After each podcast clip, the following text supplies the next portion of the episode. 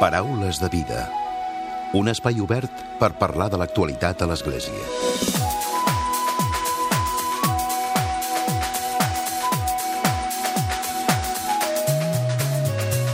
Què tal? Salutacions i molt bon dia, molt bon diumenge. Avui us parlarem del 42è Congrés Internacional de Puericantores que es farà a Barcelona aquesta propera setmana. La capital catalana acollirà més de 4.000 nens cantaires d'arreu del món. Aquest Congrés Internacional de Puericantores se celebrarà concretament de l'11 al 15 de juliol i està organitzat per la Federació Catalana de Puericantores. Tindrà uns llocs diferents, com per exemple la Sagrada Família, Montserrat o també a Montjuïc una celebració cultural mundial que plegarà cantaires de més de 100 nacionalitats, com ara d'Alemanya, d'Àustria, de Bèlgica, de Canadà, també de Catalunya, d'Espanya, de França, d'Itàlia o de Lituània, entre d'altres, a més de 45 capellans de tot el món i un bisbe del Canadà. Barcelona, recordem-ho, va acollir l'any 1998 al Congrés i ara, 20 anys després, torna a ser la seu d'aquesta 42a edició. En parlarem de seguida i ho farem en conversa amb en Bernat Cabré, que és el president de la Federació Catalana de Puericantores. com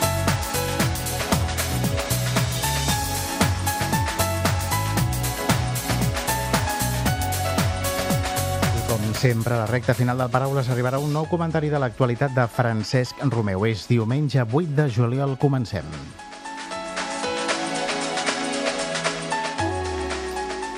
Bernat, bon dia i benvingut. Hola, bon dia. Parlem d'aquest Congrés Internacional de Puericantores. Ara veiem que ja es va fer fa 20 anys a, a Barcelona. Ho teniu tot a punt ja? Uh, sí, sempre hi, ha, sempre hi ha problemes i sorpreses d'última hora, però sí, sí, ja està tot, uh, tot endreçadet i a punt. Uh -huh. Hem dit tindrà diferents escenaris. Primer de tot, parlem de, de com s'ha preparat, de com és la logística per fer aquest Congrés Internacional de Puericantores. Bé, la, la logística és uh, a base de voluntariat, de posar-hi hores, de posar-hi gent que té ganes doncs, de, de sacrificar-se una mica i, i tirar-ho endavant, bàsicament per la, per la il·lusió i per, i per les ganes de, de portar-ho a bon terme. Uh -huh. Comença la setmana que ve, com dèiem, aquesta propera setmana, l'11 de juliol, de l'11 al 15, és a dir, a partir de, del dijous, uh, dimecres. A, a partir del dimecres 11 al vespre a dos quarts de nou tenim la cerimònia d'obertura del Congrés a la plaça de l'Univers, aquí al recinte firal de Montjuïc. Parla'ns de, de com, de com s'ha fet el programa, com serà? A partir d'aquest dimecres, per tant, hi ha la inauguració part... oficial? Hi ha la inauguració oficial, eh, que és, normalment es procura doncs, que sigui un acte bàsicament i principalment festiu, en què doncs, es fa una mica de, de, de demostració i de, de les tradicions del país, i intent, doncs, intentes posar en contacte el que és el teu país amb, amb, els, amb els, tots el, els cors estrangers que que han arribat. Després, eh, com actes importants que sempre hi ha a tots, eh, a tots els congressos, diguem hi ha un cert eh, nivell diguem estereotipat en el sentit que ja, que ja està previst que siguin així, hi ha el que és la, la pregària per la pau, que és un dels actes importants i centrals de, dels congressos de Puericantores, que serà el divendres 13 a Montserrat, a dos quarts de set, a les places del monestir, i seran com unes vespres que, que la comunitat de, de monjos doncs, ens ha convidat a, a celebrar juntament amb ells. Uh -huh. I després, bueno, evidentment, són una federació de, que, que posem la música doncs, com a la nostra eina primordial, doncs el, el dissabte al vespre a la sala de família hi haurà un concert, que en diem un concert participatiu, perquè tots els congressistes hi, hi podran ser presents i participar-hi cantant uh, a la sala de família, ja ho he dit, oi? Sí, uh, sí. dissabte a dos quarts, a les 9 del vespre. I la cluenda del Congrés, que serà el diumenge 15 a les 10 del matí amb una missa que presidirà el cardenal Omella, eh, també a la sala de família. Uh -huh. I ho hem dit, a la portada, més de 4.000 nens que venen de, de diferents nacionalitats, d'un centenar de, de nacionalitats, oi? Uh, bueno, no sé si són tantes nacionalitats, però, però sí, diguem entre Corea i Mèxic, tot el que hi ha entremig, doncs uh, n'hi haurà uns quants. Uh -huh. eh, molts alemanys, perquè la, la Federació Alemanya és, és la més nombrosa i la més forta i potent, i, bueno, d'Europa, de, de gairebé tota Europa, i bueno, una mica de Nord-Amèrica, Corea, que ja us he dit, eh, hi haurà alguns representants de Mèxic, i així. Com sempre, eh, tenim puricantores a l'Àfrica, especialment al Congo, que sempre és un problema fer-los venir pel tema de visat i així, i aquest cop, com tantes altres vegades, doncs no, no ens ha estat possible fer-los venir cap aquí, cosa que ens ha estat molt de greu. Uh -huh. I com hem anat dient, són diferents escenaris, per tant, la, la gent que estigui a Barcelona i que vulgui participar-hi té diferents ah. opcions, uh, no?, de fer-ho? Sí, principalment l'opció, diguem-ne, pública i oberta a tothom i oberta a la ciutadania és la cerimònia d'obertura, que que serà a la plaça de l'Univers, al costat de l'Avinguda Maria Cristina de Montjuïc, sí. i després, l'endemà, el dijous, el dijous 12, hi ha els actes que en diem el dia d'irradiació, que cada federació celebra una missa amb la seva pròpia llengua i amb els seus propis, eh, diguem-ne, eh, costums propis, en diferents parròquies de, de Barcelona. No sé, els alemanys, eh, com que són tants, els hem hagut de repartir entre Santa Maria del Mar i Sant Pius X. Uh, ara, ara no, ara no recordo exactament les altres parròquies on hi ha totes les federacions. Aquest, aquest el recordo molt bé perquè ha sigut uh, complicat de resoldre. Uh, I després d'això de les misses que seran al matí, uh, moltes parròquies de Barcelona i també de fora, diguem-ne marcant com a límits uh, Girona i Tarragona, doncs uh, acolliran al vespre concerts. Diguem-ne que hi haurà Uh, simultàniament, el dijous, el, el dimecres al vespre, dia 12, hi haurà una cinquantena de concerts simultanis a, arreu de, del territori, uh -huh. dels diferents cors que hi ha en el, en el Congrés. Parlem precisament dels protagonistes, dels joves, dels nens, i també una mica de, de, en posar en valor no? tot el que és sí. el, el cant coral i la seva vinculació amb, amb la litúrgia. Ah, exacte. Bé, diguem que uh, Puricantores en aquest sentit té un, té un, doble, un doble vessant. Per una banda és mantenir viva una tradició secular, pensa que ja en el segle VII ja es parla dels puericantores, els nens que canten la litúrgia eh, uh, en, el, en la litúrgia del papa. Això ja tenim documentació des del segle VII. I després, eh, evidentment, doncs, eh, també participem del, tot el que són els valors clàssics i, i ben entesos del, del cant coral com a element didàctic i humà de, de primer ordre, atès que en un cor un aprèn a ser humil, un aprèn a ser solidari, un aprèn a escoltar els altres, un aprèn a respectar els altres. Doncs tot això, eh, aquest compromís eh, humà, diguem, eh, hi és, evidentment i a part de tot doncs, mantenim una tradició que ve de molt lluny i, i a més a més ho fem doncs, diguem-ne des, del, des del cantó de la fe intentant de fer viure la litúrgia, en fer entendre als cantaires doncs, que som protagonistes i part essencial de la litúrgia. I tal i com diu, no? la, pedagogia musical també, no? i el fet de la socialització evidentment, això és un, és un, diguem un element essencial i del que ens sentim plenament, plenament identificats. Diguem, tot el que és el que tradicionalment se'n diu doncs, l'educació en el lleure, eh, doncs, eh, doncs en, el, en el cant coral és, és una cosa doncs, que no cal que insisteixi, perquè a més a més a Catalunya en tenim una tradició eh, molt arrelada. Uh -huh. Això li volia preguntar per la, també l'activitat que es fa des de la Federació Catalana. Bé, la Federació Catalana direm que és una federació molt petiteta, eh, eh, si la comparem amb d'altres federacions que hi ha arreu del món.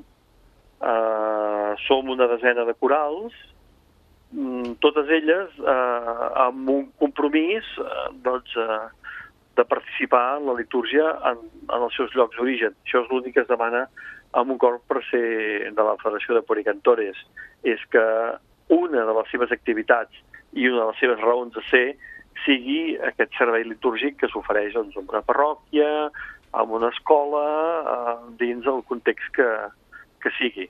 Que no hi ha, no hi ha mai ni mínims de, ni màxims de qualitat ni altra mena de preguntes, simplement aquesta. És a dir, si tu en el teu cafè normal hi ha el servei litúrgic, doncs automàticament pots considerar un cor de poricantores. Uh -huh.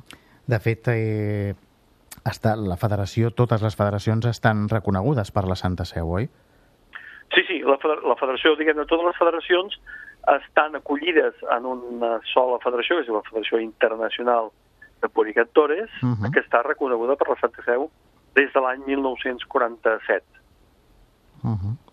Clar, per tant, hi ha una trajectòria important. Sí, sí, sí. Això, això ve, diguem, de... La, la idea i l'impuls inicial va ser de Monsenyor Mallet, un capellà francès, que dirigia des dels anys 20 dirigia un, un cor que en aquell moment va ser molt famós, que era el, el, el cor dels petits cantors de la, de la Creu de Fusta. És per això que diguem, un dels senyals d'identitat de Puricantores és la, és la creu de fusta penjada al coll. Uh, doncs uh, uh, Monsenyor Mallet va tenir la iniciativa d'unir esforços en tot el que eren els cors, diguem, uh, juvenils, infantils, uh, identificats amb, amb la litúrgia.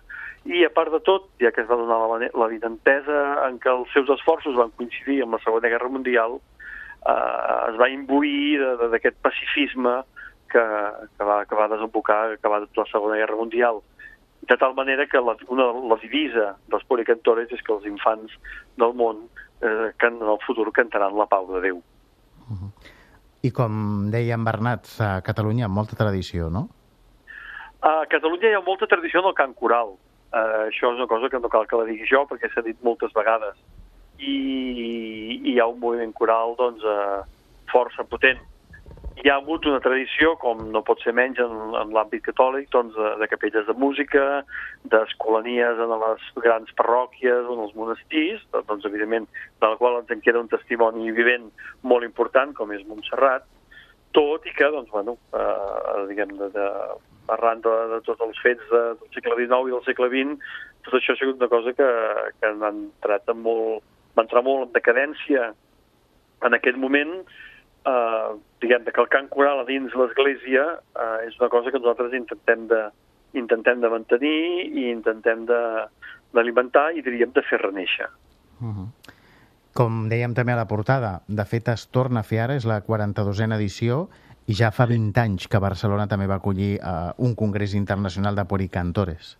Exacte. En aquell moment, diguem que va coincidir el que, eren, el que eren els inicis de la Federació de Puricantores, ja portava uns anys de recorregut i força anys, de fet, tot i que el reconeixement oficial és de l'inici dels anys 90, diria que el 92, doncs de seguida es va plantejar la possibilitat de fer un congrés internacional a Barcelona i va ser el 98.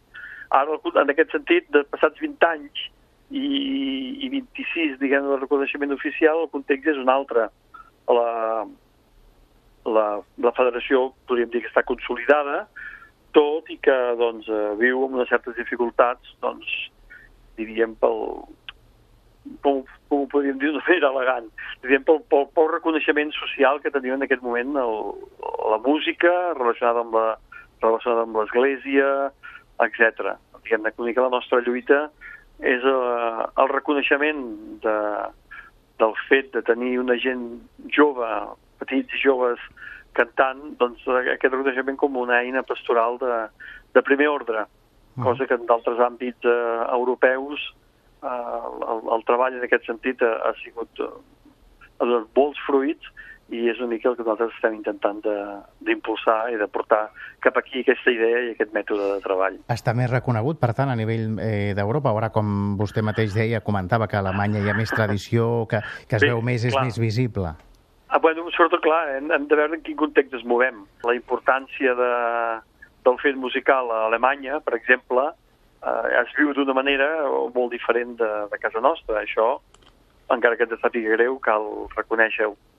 I, I en allà, des de fa ja uns quants anys, l'episcopat alemany doncs, eh, es van conjurar una mica per, per eh, expandir el moviment i prenent-lo això com una eina de, de, pastoral de primer ordre, perquè clar, i a la que tens un cor de poricantores, tens canalla a l'església cantant la litúrgia, tens les famílies de la canalla eh, doncs, eh, al costat, i això crea, o crea una sèrie de, de sinergies molt importants.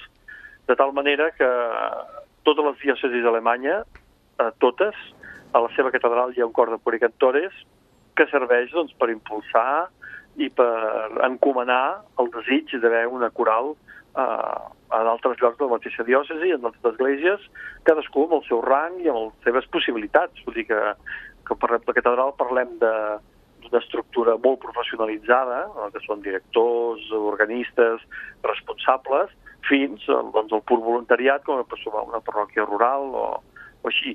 Però de tal manera que a Alemanya, en aquest moment, la Federació Alemanya són 19.000 cantaires. Que, que es diu ràpid. Al front dels... no arribem a 300 a Catalunya, doncs eh, es diu ràpid, eh? 19.000 persones és, és, és molt, molt gran. Uh -huh.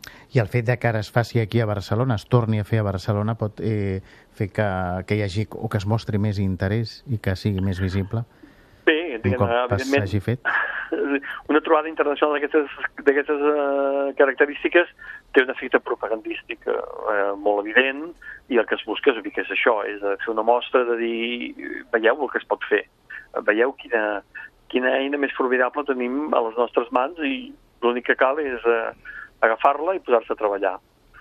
També cal dir doncs, que també ha influït molt el fet de fer-ho a Barcelona, eh, això és innegable, encara vivim una mica sota l'efecte de, de la cerimònia de dedicació del temple a la Sagrada Família. Eh, quan... I ha jugat un paper important, aquest fet. I ha jugat un paper importantíssim. Bé, de tal manera que eh, jo vaig ser-hi d'aquella cerimònia, érem els puricantors de Catalunya i érem cantant, i vam convidar a venir el que aleshores era el president de la Federació Internacional, que era un capellà polonès, Monsenyor Tirala, i que ho vaig tenir clar. Així que es va acabar la cerimònia, ell m'ho va dir, diu, ja has pensat que podies fer un congrés internacional aquí? I van posar va fil a l'agulla i van començar a donar-hi forma. Exacte, uh, exacte.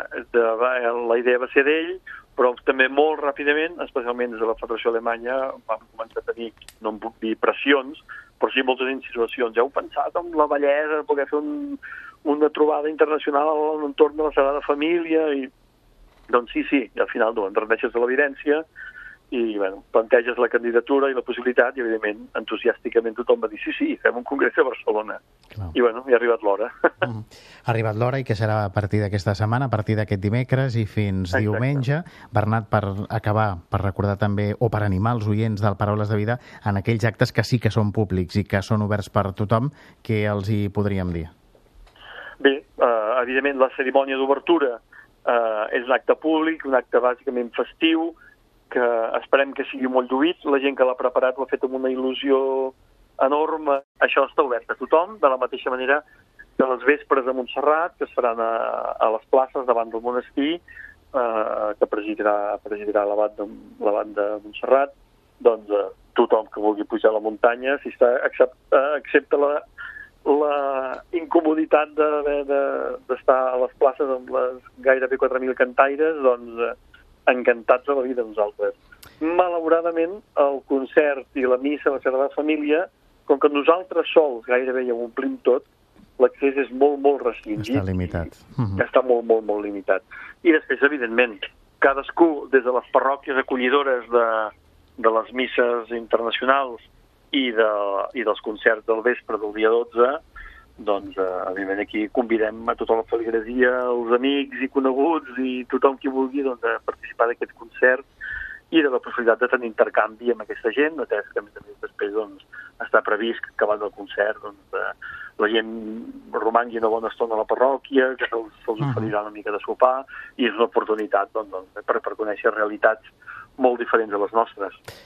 Bernat Cabré, ell és el president de la Federació Catalana de Puricantores. Gràcies i molta sort amb aquest congrés. Gràcies a vosaltres. Paraules de vida. Solidaritat i compromís. I tot seguit arriba el comentari de l'actualitat de Francesc Romeu. Francesc, molt bon dia. Molt bon dia a tothom. És realment admirable la capacitat que té la ONG catalana proactiva Open Arms per recollir immigrants en risc d'enfonsar-se al mar Mediterrani, especialment al mar que hi ha al davant de les costes de Líbia i en la ruta cap a les costes del sud d'Itàlia. Com també ha estat admirable la capacitat d'acollida que ha demostrat tenir Barcelona, a l'hora d'acceptar tots aquests vaixells carregats d'immigrants com el que va arribar dimecres passat al port de Barcelona, després de quatre dies de ruta marítima, amb uns 60 immigrants de 14 nacionalitats diferents. El passat dilluns dia 2 de juliol, tal i com informava el diari El Punt Avui, ja es va reunir per primera vegada la delegació del govern espanyol, el govern català i l'Ajuntament de Barcelona amb la Creu Roja per coordinar l'arribada i l'acollida d'aquests 60 immigrants rescatats en aigües de Líbia. Tres equips es van fer càrrec de l'operació. El primer equip va ser el de la Sanitat, que va fer la revisió i atenció mèdica de les persones, entre elles cinc dones i quatre menors, dos d'ells sense acompanyants. Un cop desembarcats al port, el segon equip, la Policia Nacional, els va identificar i els hi va donar la documentació. El tercer equip va ser el de l'acollida als centres destinats. Els tècnics anaven decidint on es traslladava cada persona o unitat familiar, després de les entrevistes personals per conèixer les problemàtiques i les situacions. El coordinador del Pla Ciutat Refugi de Barcelona, Ignasi Calbó, va explicar que la distribució es fa segons l'estat de salut, el nombre de famílies i de menors perquè vagin al dispositiu més idoni. En general, l'estat de salut de les 60 persones era bo, tenint en compte que ja havien estat atesos per metges a bord del vaixell. Ara l'Estat els concedirà permís d'estada legal de 45 dies, un estatus que els permetrà iniciar els tràmits per sol·licitar asil o bé decidir si volen anar a altres països i els evitarà l'ingrés en un CIE. Els menors que han arribat sols han estat acollits pels serveis d'atenció a la infància de la Generalitat, mentre que l'Ajuntament dona suport jurídic pels tràmits d'asil o facilitarà el contacte amb familiars o coneguts aquells que volen anar a altres països. Com ja hem dit, els refugiats rescatats al mar Libi la setmana passada són de diverses nacionalitats. 8 palestins, 8 sudanesos del sud, 3 de Mali, 5 sirians, un de Burkina Faso, un de Costa d'Ivori, 4 eritreus, 8 egipcis, 3 de la República Sud-africana, 2 camerunesos, 2 etíops, 6 libis, 8 de Bangladesh i un guineà. Pel que fa a les ajudes europees, també hem de dir que aquesta setmana s'ha fet públic que Brussel·les ha assignat a Espanya un ajut de 25,6 milions d'euros per millorar la capacitat de recepció d'immigrants. Així ho ha anunciat aquest dilluns la Comissió Europea, que argumenta que l'ajut addicional és per donar suport a l'Estat per respondre als desafiaments migratoris. Dels 25,6 milions totals, la major part, 24,8 milions d'euros, s'han adjudicat a la, Segura, a la Secretaria d'Ocupació i Seguretat Social i la Creu Roja Espanyola per un projecte destinat a proporcionar assistència sanitària, alimentària i refugi als immigrants que arriben a la costa sud d'Espanya, a Ceuta i a Melilla. Segons informava el diari digital El Món, els, 70, els 720.000 euros restant són per al Ministeri d'Interior espanyol perquè el govern millori la qualitat de les instal·lacions de retorn i la infraestructura de les transferències. Segons ha dit el comissari europeu d'Immigració, Afers Interiors i Ciutadania, Dimitris Avamopoulos, Espanya ha vist augmentar les xifres d'arribada durant l'últim any i hem d'intensificar el nostre suport per ajudar a gestionar les xifres i el retorn d'aquells que no tenen dret a quedar-s'hi. Recordem que amb el que portem d'any han arribat a Espanya més de 17.500 immigrants en situació irregular, la majoria d'ells prop de 15.000 per mar segons dades de l'Organització Internacional de les Migracions. Només de les dues últimes setmanes, 5.516 persones han arribat al territori espanyol, mentre que poc més d'un miler ho han fet a Grècia i a Itàlia respectivament. Tinguem en compte que el finançament d'emergència concedit a Espanya arriba ja als 692 milions d'euros destinats per la qüestió de la migració, la frontera i la seguretat en els programes nacionals pel període que va del 2014 al 2020. Molt bon diumenge a tothom.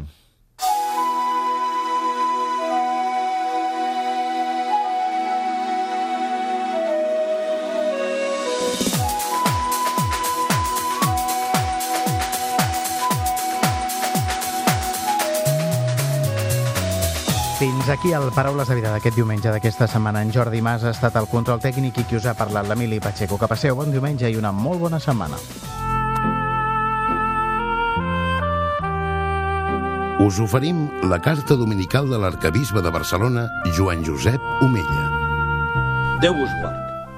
Fa uns mesos, un periodista va preguntar al cardenal Lluís Ladària com se sentia ocupant la responsabilitat de prefecte de la Congregació per a la Doctrina de la Fe càrrec que havia ocupat el cardenal Ratzinger.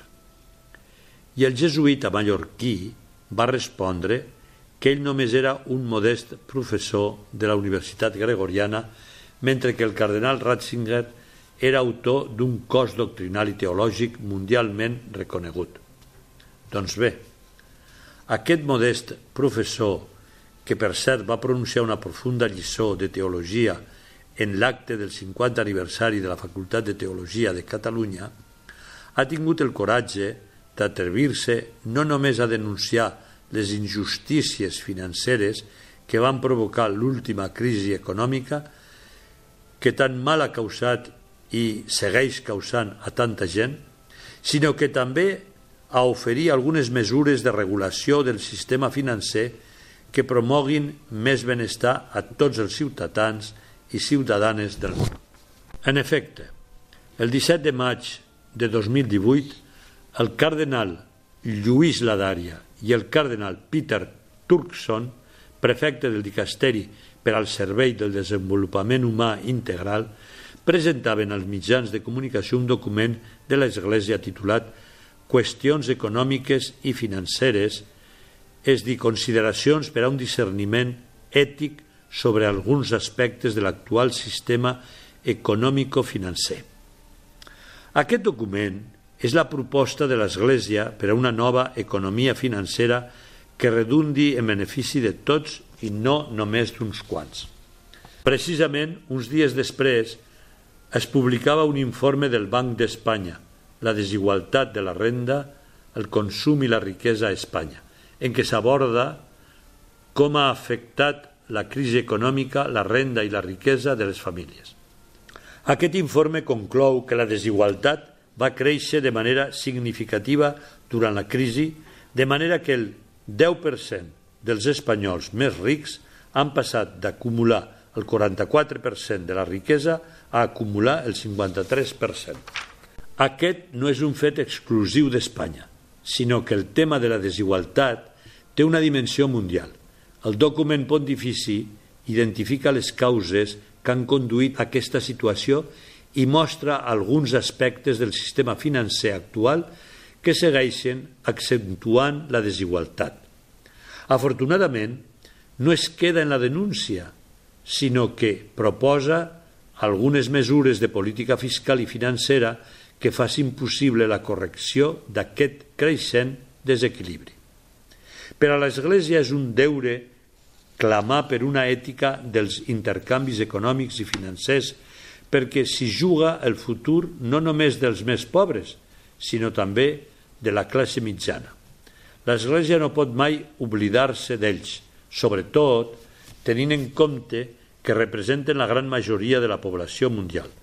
El document reconeix que el benestar econòmic global ha augmentat en la segona meitat del segle XX en mesures i rapidesa mai abans experimentades, però al mateix temps ha augmentat les desigualtats entre els diferents països i dins d'ells el nombre de persones que viuen en pobresa extrema segueix sent enorme. Per tot això, l'Església s'atreveix a proposar una ètica de certs aspectes de la intermediació financera perquè aquesta, desvinculada dels fonaments antropològics i morals apropiats, no només ha produït injustícies i abusos evidents, sinó que s'ha demostrat també capaç de crear crisis sistemàtiques a tot el món. Benvolguts germans i germanes, prego a Déu que aquest document pontifici capti l'interès dels agents econòmics, polítics i socials que incideixen en la marxa del sistema financer de l'economia mundial.